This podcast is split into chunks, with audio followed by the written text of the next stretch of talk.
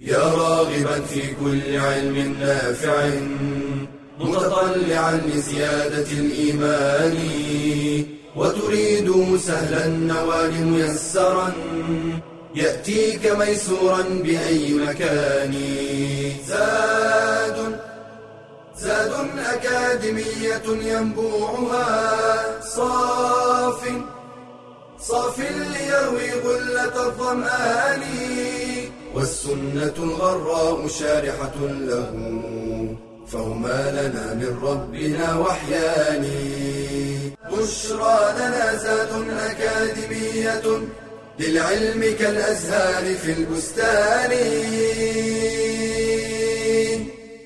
بسم الله الرحمن الرحيم الحمد لله والصلاة والسلام على رسول الله وعلى آله وصحبه ومن والاه. أما بعد سلام الله عليكم ورحمته وبركاته وأسأل الله العظيم رب العرش الكريم بأسمائه وصفاته أن يرزقنا جميعا علما نافعا ورزقا واسعا وشفاء من كل داء. حياكم الله وبياكم وجعل الجنة مثوانا ومثواكم في لقاء يتجدد مع الحديث الشريف وأكاديمية زاد ومع الحديث الثامن عشر. في مقررنا لهذا الفصل الدراسي. هذا الحديث هو حديث أنس بن مالك رضي الله عنه وأرضاه أن رسول الله صلى الله عليه وسلم قال من أحب أن يبسط له في رزقه وينسأ له في أثره فليصل رحمه. متفق عليه. من أحب أن يبسط له في رزقه وينسأ له في أثره فليصل رحمه. المفردات يبسط له في رزقه اي يوسع ويكثر ورزقه أي في دنياه وآخرته وينسأ أي يؤخر أثره أي أجله. حديث عظيم جدا وفيه من الفوائد ما الله بها عليم. أحبتي في الله صلة الرحم عبادة وأي عبادة. قبل أن نشرع في معرفة الفضائل من هم الأرحام؟ من هم الأرحام؟ بعض الناس يسأل. آه، طبعا أكثر العلماء على أن الرحم هم أقارب الأم وأقارب الأب. هؤلاء هم أرحامك. أقربائك من ناحية الوالد وأقربائك من ناحية الوالدة. وكلما كان الرحم قريبا كلما كان الحق أكبر وأفضل. فحق عمك أكثر من حق ابن عمك. وحق أخيك أكثر من حق ابن عمك. وهكذا. ولذلك قال هنا المصنف والمراد بالرحم الأقرباء من طرفي الرجل والمرأة من ناحية الأب ومن ناحية الأم. فاقربائك من هنا ومن هنا هم أرحامك. بعض الناس يظن أن الأرحام هم أقارب الزوجة. لا. هؤلاء هم الأصهار والأنساب. لكن أرحامك أقاربك من ناحية الأب ومن ناحية الأم. طيب وأقاربي من ناحية الزوجة؟ لا بأس كذلك. تصلهم. ولهم حق عليك كذلك. فأقول أيها الأحبة اهتم الإسلام بقضية صلة الرحم. الإحسان إلى الأقربين من ذوي النسب والأصهار والعطف عليهم والرفق بهم والرعاية لأحوالهم. حقيقة هذا الموضوع يحتاج منا وقفات مهمة لأن صلة الرحم أيها الأحبة هي حفظ للمجتمعات قوة للكيانات طاعة لرب الأرض والسماوات. ينال به فضله سبحانه ويرجى به كرمه من هذه العبادة ويستنزل به فضله ويطلب به عفوه صلة الأرحام أحبتي في الله ورد فيها أحاديث كثيرة ونصوص كثيرة ينبغي للإنسان أن ينتبه لها أن يفعلها في حياته.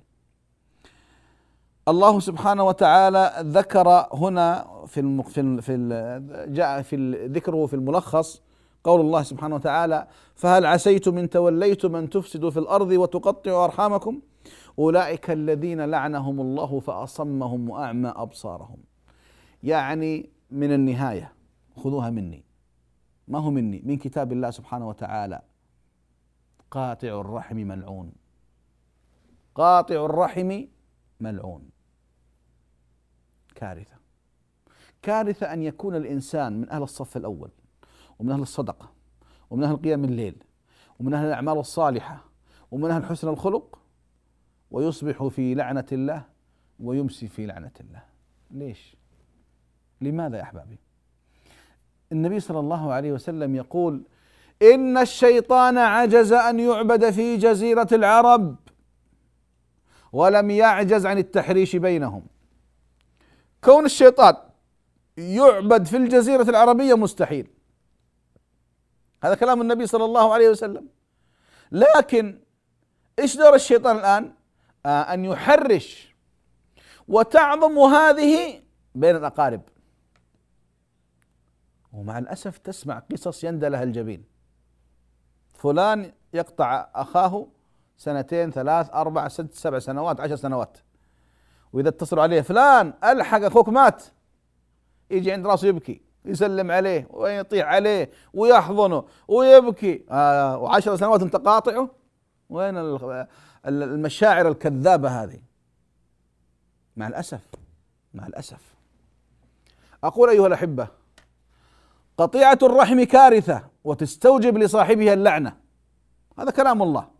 فهل عسيتم إن توليتم أن تفسدوا في الأرض وتقطعوا أرحامكم؟ ها؟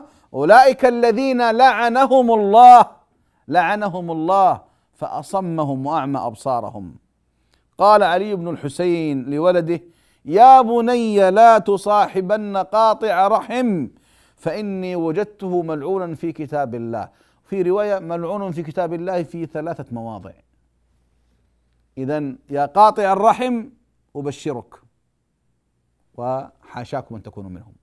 لكن أقول عن قاطع الرحم. أقول يا قاطع الرحم تراك ملعون وتصبح في لعنة وتمسي في لعنة وتعيش في لعنة وأنت ما تدري. كل هذا إشباع غرائز النفس هوى النفس. طيب ليش؟ أين العفو؟ أين الإصلاح؟ أين التجاوز؟ أين اللطف؟ أين الترفع عن سفاسف الأمور؟ ديننا أيها الأحبة دين الصلة دين البر دين الأخلاق دين التسامح دين الرأفة والرحمة. ما هو دين القطيعة. مجتمع متقاطع هذا مو مجتمع مسلم. أسرة متقاطعة ما هي أسرة مسلمة. كل واحد في جهة. إذا أنتم ما عرفتم من الإسلام حق المعرفة. لذلك أحبتي في الله نحتاج نحتاج أن نفهم أن الإسلام يدعو إلى الترابط والألفة والمحبة والصلة. أما قضية القطيعة فلا. اسمع كيف اهتم الإسلام بصلة الرحم. يقول صلى الله عليه وسلم تعلموا من أنسابكم ما تصل به أرحامكم فإن صلة الرحم محبة في الأهل مثرات في المال منسأة في الأثر حديث صحيح. كيف النبي صلى الله عليه وسلم يحفزك أن تعرف نسبك؟ تعلموا من أنسابكم ما تصل به أرحامكم.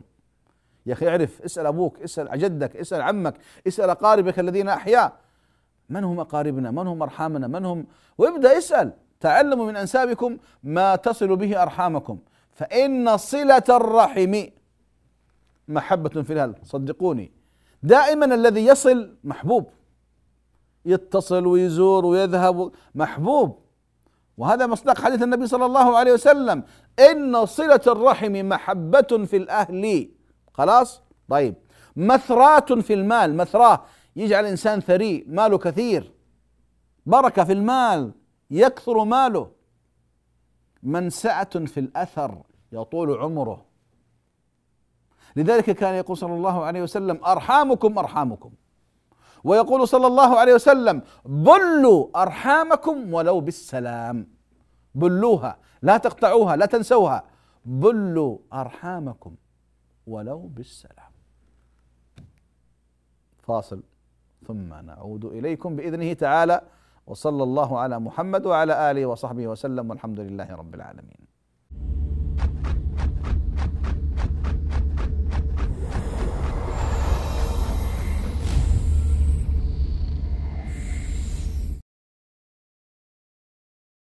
أمانة عظيمة ومسؤولية كبيرة إنها تربية الأهل والأولاد. قال تعالى يا أيها الذين آمنوا قوا أنفسكم وأهليكم نارا. قال علي بن أبي طالب أدبوهم وعلموهم فنعلمهم العقيدة الصحيحة.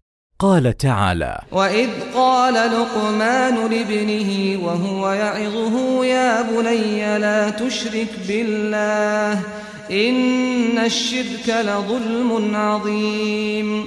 وقال صلى الله عليه وسلم لابن عباس يا غلام إني أعلمك كلمات احفظ الله يحفظك. ونعلمهم حب النبي صلى الله عليه وسلم وحب أصحابه. فقد كان السلف يعلمون أولادهم حب أبي بكر وعمر كما يعلمون السوره من القرآن. ونعلمهم الصلاة. قال صلى الله عليه وسلم مروا أولادكم بالصلاة وهم أبناء سبع سنين واضربوهم عليها وهم أبناء عشر ونعلمهم مكارم الأخلاق ومحاسن الآداب. قال صلى الله عليه وسلم لعمر بن أبي سلمة يا غلام سم الله وكل بيمينك وكل مما يليك. ونعلمهم شيئا من القرآن بأنفسنا أو نلحقهم بحلقات التحفيظ. ونعلمهم الحلال والحرام بالتدريج. ونعلمهم لغة القرآن قبل أن نعلمهم اللغات الأخرى. قال نافع كان ابن عمر يضرب ولده على اللحن. فاحرص على تعليم أهلك. واعلم أن غذاء الروح أهم من غذاء البدن. قال صلى الله عليه وسلم والرجل راع على أهل بيته وهو مسؤول عنهم.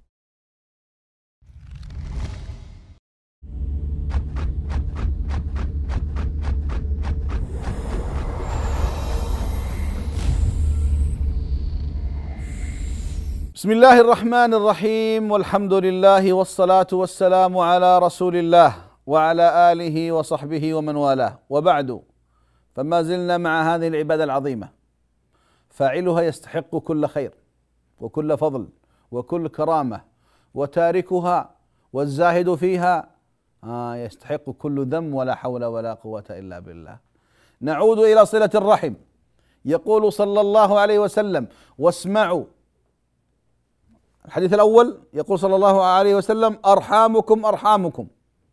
أرحامكم أرحامكم. الحديث الثاني يقول صلى الله عليه وسلم بلوا أرحامكم ولو بالسلام. بلوها. لا تقطعوها لا تهجروها. سئل الشيخ عبد العزيز بن باز رحمة الله عليه هل الاتصال بالهاتف من صلة الرحم؟ قال نعم. نعم. الآن كل واحد فينا عنده كم جهاز في جيبه؟ يا أخي وقت لك كل يوم عشر دقائق ربع ساعة.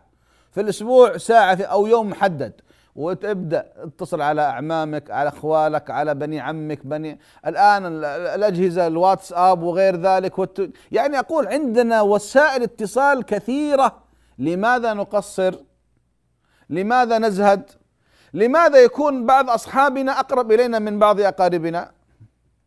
لا لا لا. يقول لك الأقارب عقارب. اتق الله. من روى هذا الحديث؟ الشيطان عن أبي مرة؟ آه لا لا. النبي صلى الله عليه وسلم يقول بلوا أرحامكم ولو بالسلام. اسمع الحديث العجيب الآن.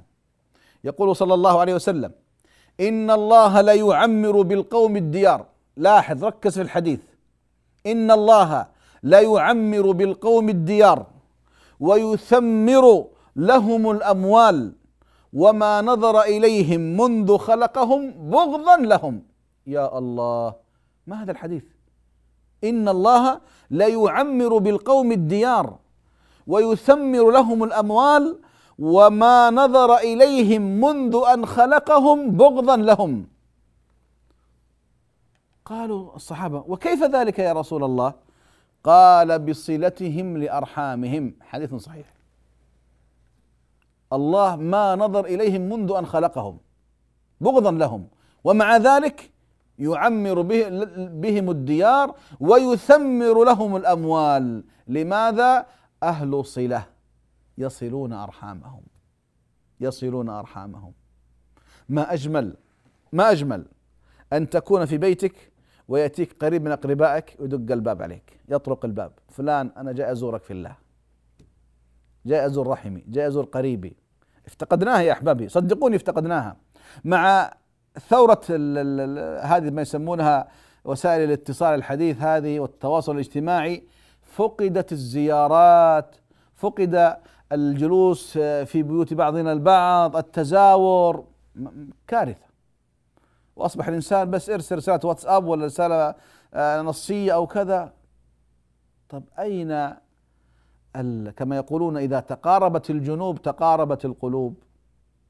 أين الصلة؟ مع الأسف. مع الأسف يا أحبابي. يقول صلى الله عليه وسلم كل رحم آتية يوم القيامة أمام صاحبها. كل رحم آتية يوم القيامة أمام صاحبها. تشهد له بصلة إن كان وصلها وعليه بقطيعة إن كان قطعها. حديث صحيح. هذه تجي أمامك يوم القيامة الرحم.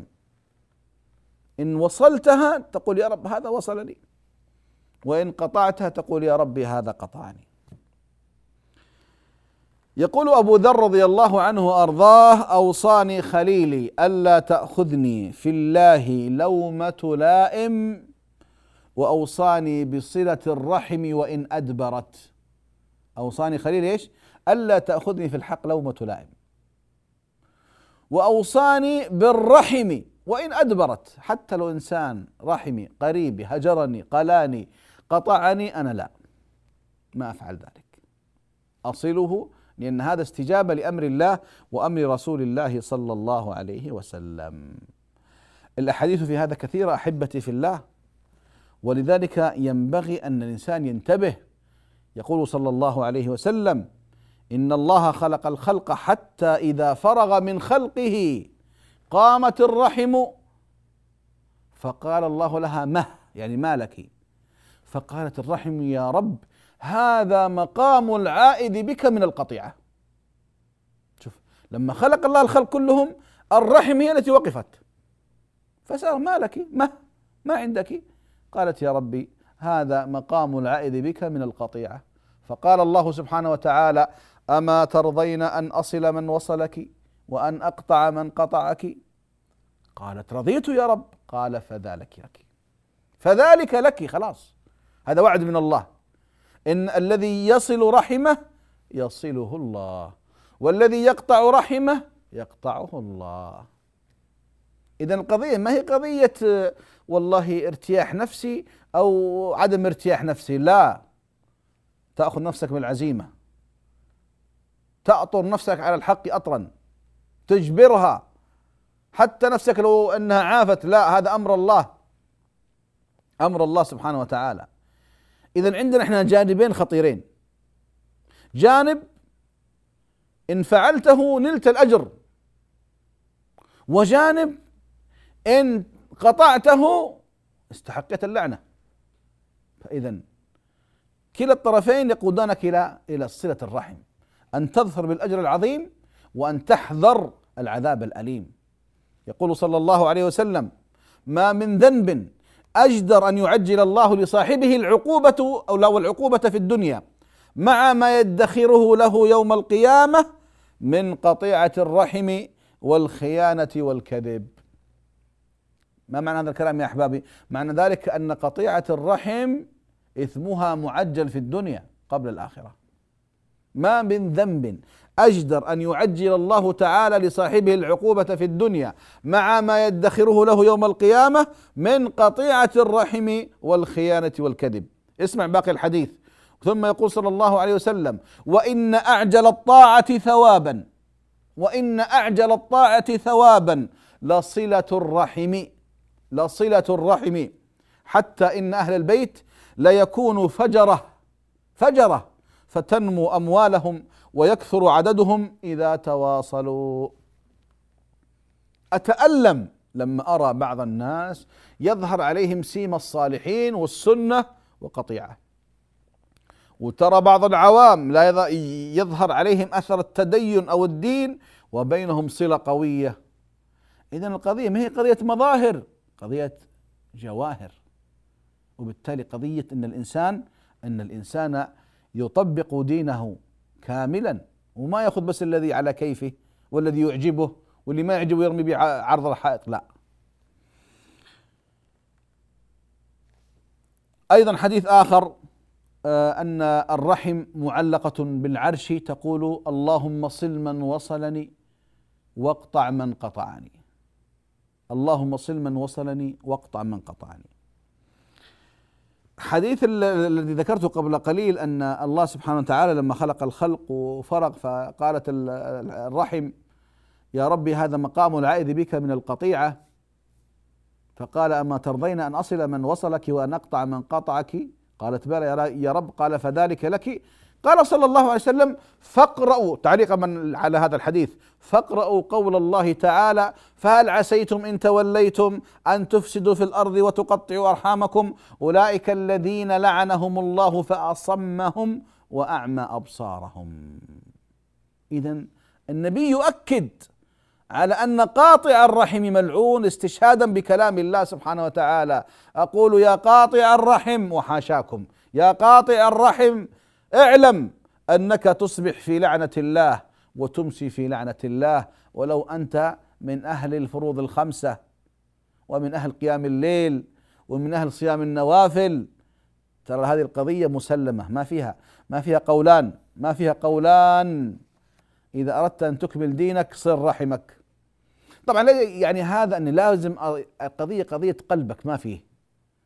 لأنه عندي أقارب أنا في أصقاع الدنيا. لازم أزورهم طبعا قدرت أزورهم. طيب ما قدرت التليفون. إن تعذر ذلك أهم شيء القلب يكون سليم ناحيتهم. تدعو لهم تتصل بهم تحاول أن توصل لهم سلامك لكن لا تقطعهم لا تهجرهم ابدا.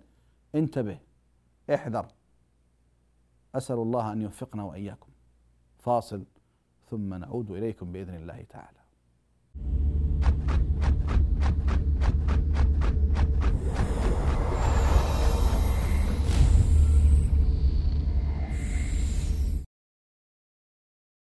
ما أوثق العلاقة بين العلم والعمل؟ العلم شجرة والعمل ثمرة.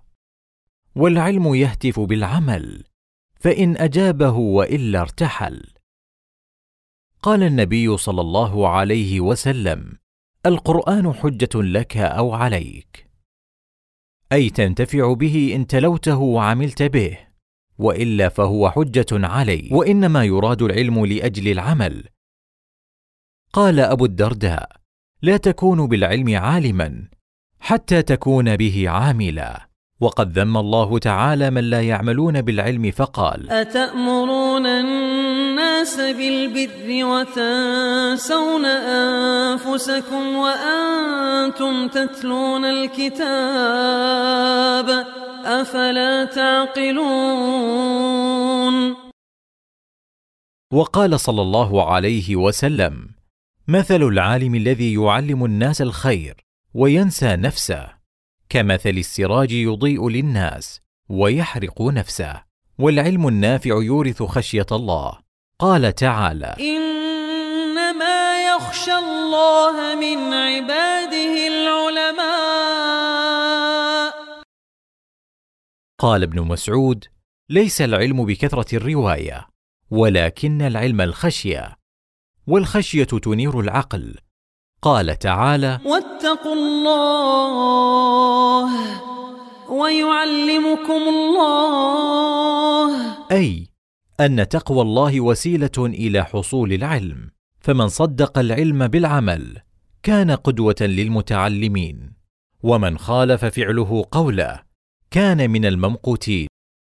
يا أيها الذين آمنوا لم تقولون ما لا تفعلون كبر مقتا عند الله أن تقولوا ما لا تفعلون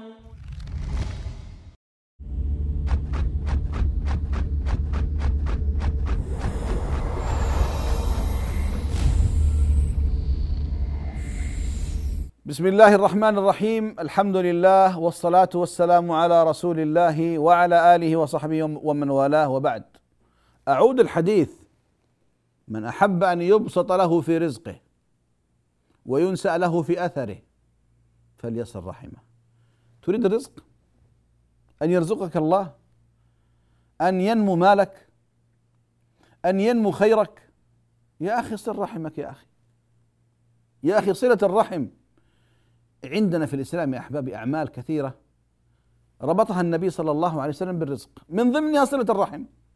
لأن الرزق عند الناس مشكلة. الرزق عند الناس مشكلة كبيرة وعويصة. وبعضهم ربما يواصل الليل والنهار من أجل هذا الرزق. طيب يا أخي اتق الله في نفسك. خذ الأسباب واعلم أن من الأسباب. صلة الرحم. هذا الحديث. حديث متفق عليه. من أحب أن يبسط له في رزقه. يبسط بسط. ها؟ وينسأ له يطول عمره. فليصل رحمه بسط الرزق كثرة الرزق. والبركة في الرزق. قال وينسأ له في أثره. قال العلماء ينسأ له في أثره. يكتب في اللوح المحفوظ. إن وصل رحمة يزاد في عمره. إن لم يصل رحمة ينقص من عمره. هذا واحد. ماذا معنى؟ والمعنى الثاني قالوا زيادة العمر بكثرة البركة في حيث أنه يستطيع أن يعمل في هذا الزمن القليل ما يعمله ناس كثر في زمن طويل. وإن كان أهل العلم يذهبون أغلبهم إلى المعنى الأول أنك إذا وصلت رحمك طال عمرك. وزاد عمرك زيادة حقيقية. وقد تجمع الثنتين مع بعض. هذا هذا لا يمتنع. من الأعمال التي سبب في الرزق يا أحبابي شيء بشيء يذكر. يقول صلى الله عليه وسلم تابعوا بين الحج والعمرة. تابعوا. فإنهما ينفيان الفقر والذنوب. الفقر والذنوب. كما ينفي الكيرو خبث الحديد والذهب والفضة والحج المبرور ليس له جزاء إلا الجنة. تابع متابعة مداومة. أيضا هذا من من آه، بسط الرزق كذلك. من لزم الاستغفار جعل الله له من كل هم فرجا ومن كل ضيق مخرجا ومن كل بلاء عافية ويرزقه من حيث لا يحتسب. ويرزقه من حيث لا يحتسب. الصدقة كان علي رضي الله عنه وأرضاه يقول استنزل الرزق من السماء بالصدقة. أشياء كثيرة. لكن أعود إلى الموضوع الرئيسي هنا قضية صلة الرحم. صلة الرحم عندي مطلب. وقطيعة الرحم عندي مهرب. لذلك لابد ان ان أن أحرص أيها الأحبة على قضية صلة الرحم نشرها بين الناس عدم القطيعة التجاوز المحبة التسامح. مو بالقطيعة. والله يا أحبابي سمعت عن قصص يندى لها الجبين. يندى لها الجبين. وبعدين لما تسأل عن الناس تحصلهم أهل الصف الأول. قصة أنا حضرتها. أخوان متقاطعان من سنوات طويلة سنوات. أحدهم في الصف الأول في اليمين والثاني في الصف الأول في اليسار. من أهل الصف الأول. عدة سنوات قرابة عشر سنوات متقاطعين. وهم يصلون في مسجد واحد. وهذا في طرف الصف وذا في طرف الصف الأول. الشيطان حضر. ويتدخل الناس الطيبين. وبطريقة أو بأخرى يصلون إلى طريقة ألفت بينهم. كان منظر اللقاء منظر مبكي بكل ما تعنيه الكلمة.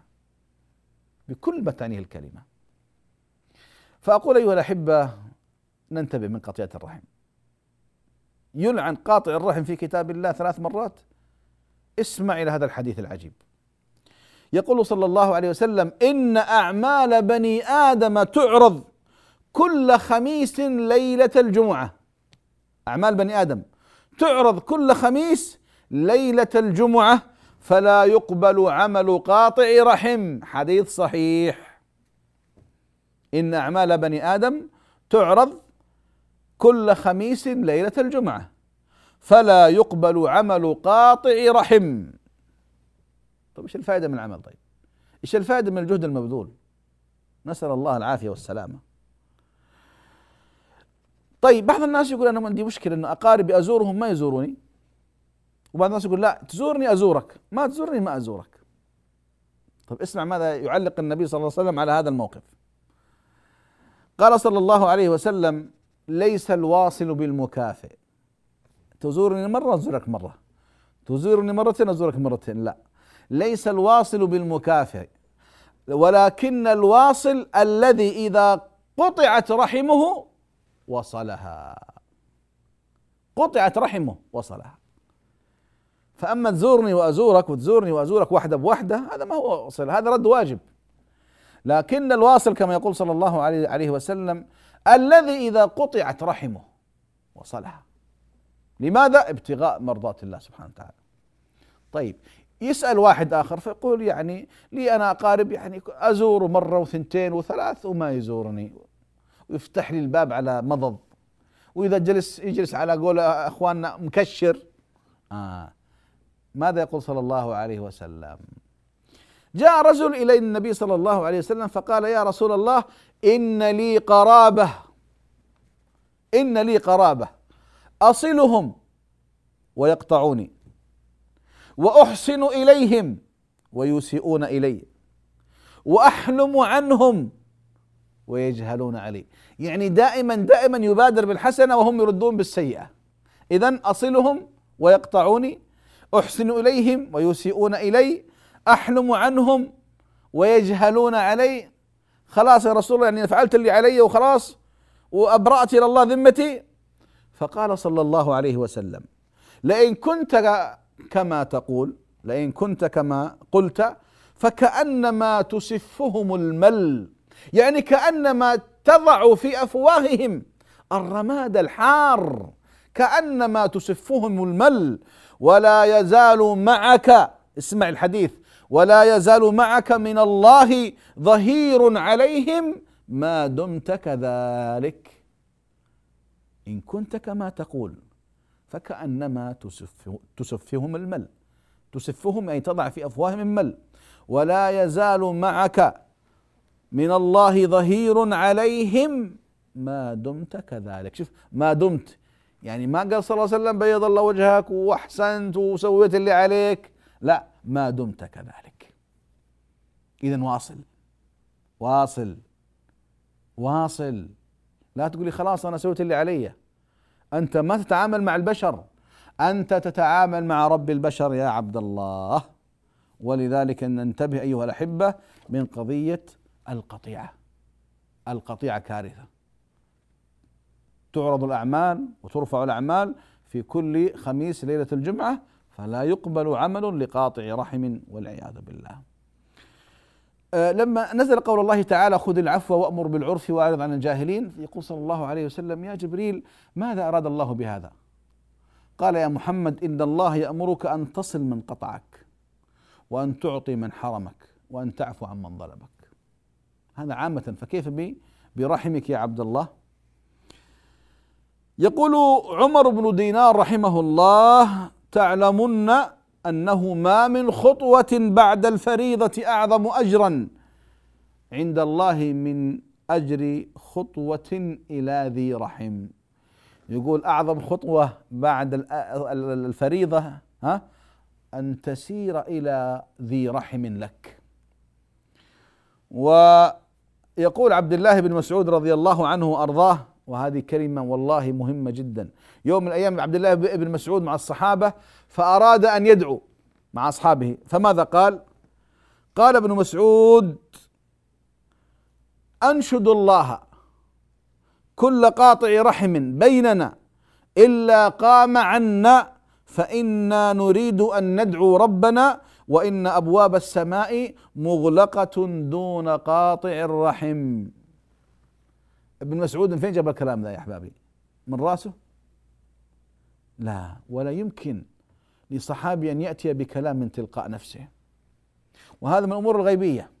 اذا ما جاء به إلا من رسول الله صلى الله عليه عليه وسلم لكنه ما أسنده. إن أبواب السماء مغلقة أمام دعاء كل قاطع رحم.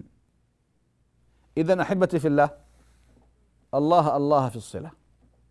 يا أحبابي الصلة أجر وفضل وكرامة ومال وطول عمر ومحبة في الأهل. إيش تبغى أحسن من كذا؟ والقطيعة لعنة وبوار وخسران وغضب من الله وشقاء في الدنيا وشقاء في الآخرة وكما تدين تدان وتقطع الناس الناس يقطعونك. وأعظم الصلة ما كانت صلة لوالديك وأقاربك الأقرب في الأقرب. وأعظم قطيعة قطيعة الأقرب في الأقرب. تقطع والداك تقطع إخوانك تقطع أبنائك. ليش؟ يا أحبابي دين الله دين الله عظيم. وما آتاكم الرسول فخذوه وما نهاكم عنه فانتهوا. أسأل الله العظيم رب العرش الكريم أن يجعلنا من الواصلين ولا يجعلنا من القاطعين وأن يجعلنا مفاتيح خير مغالق شر اللهم إنا نسألك علما نافعا ورزقا واسعا وشفاء من كل داء. وصل اللهم على محمد وعلى آله وصحبه وسلم والحمد لله رب العالمين. يا راغبا في كل علم نافع متطلعا لزيادة الإيمان وتريد سهلا النوال ميسرا يأتيك ميسورا بأي مكان. زاد زاد أكاديمية ينبوعها. صاف صاف ليروي غلة الظمآن. والسنة الغراء شارحة له. فهما لنا من ربنا وحيان. بشرى لنا زاد أكاديمية للعلم كالأزهار في البستان.